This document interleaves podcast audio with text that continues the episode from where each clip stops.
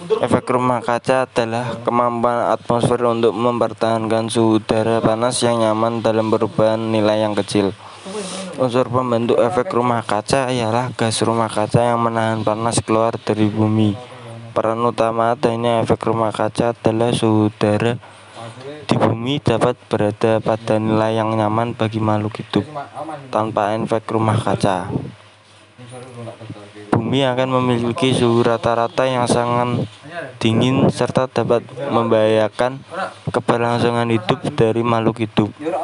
Efek rumah kaca pertama kali diusulkan oleh Joseph Fourier pada tahun 1824 merupakan proses pemanasan permukaan suatu benda langit terutama planet atau satelit yang disebabkan oleh komposisi dan keadaan dan keadaan atmosfernya ya cukup itulah efek rumah kaca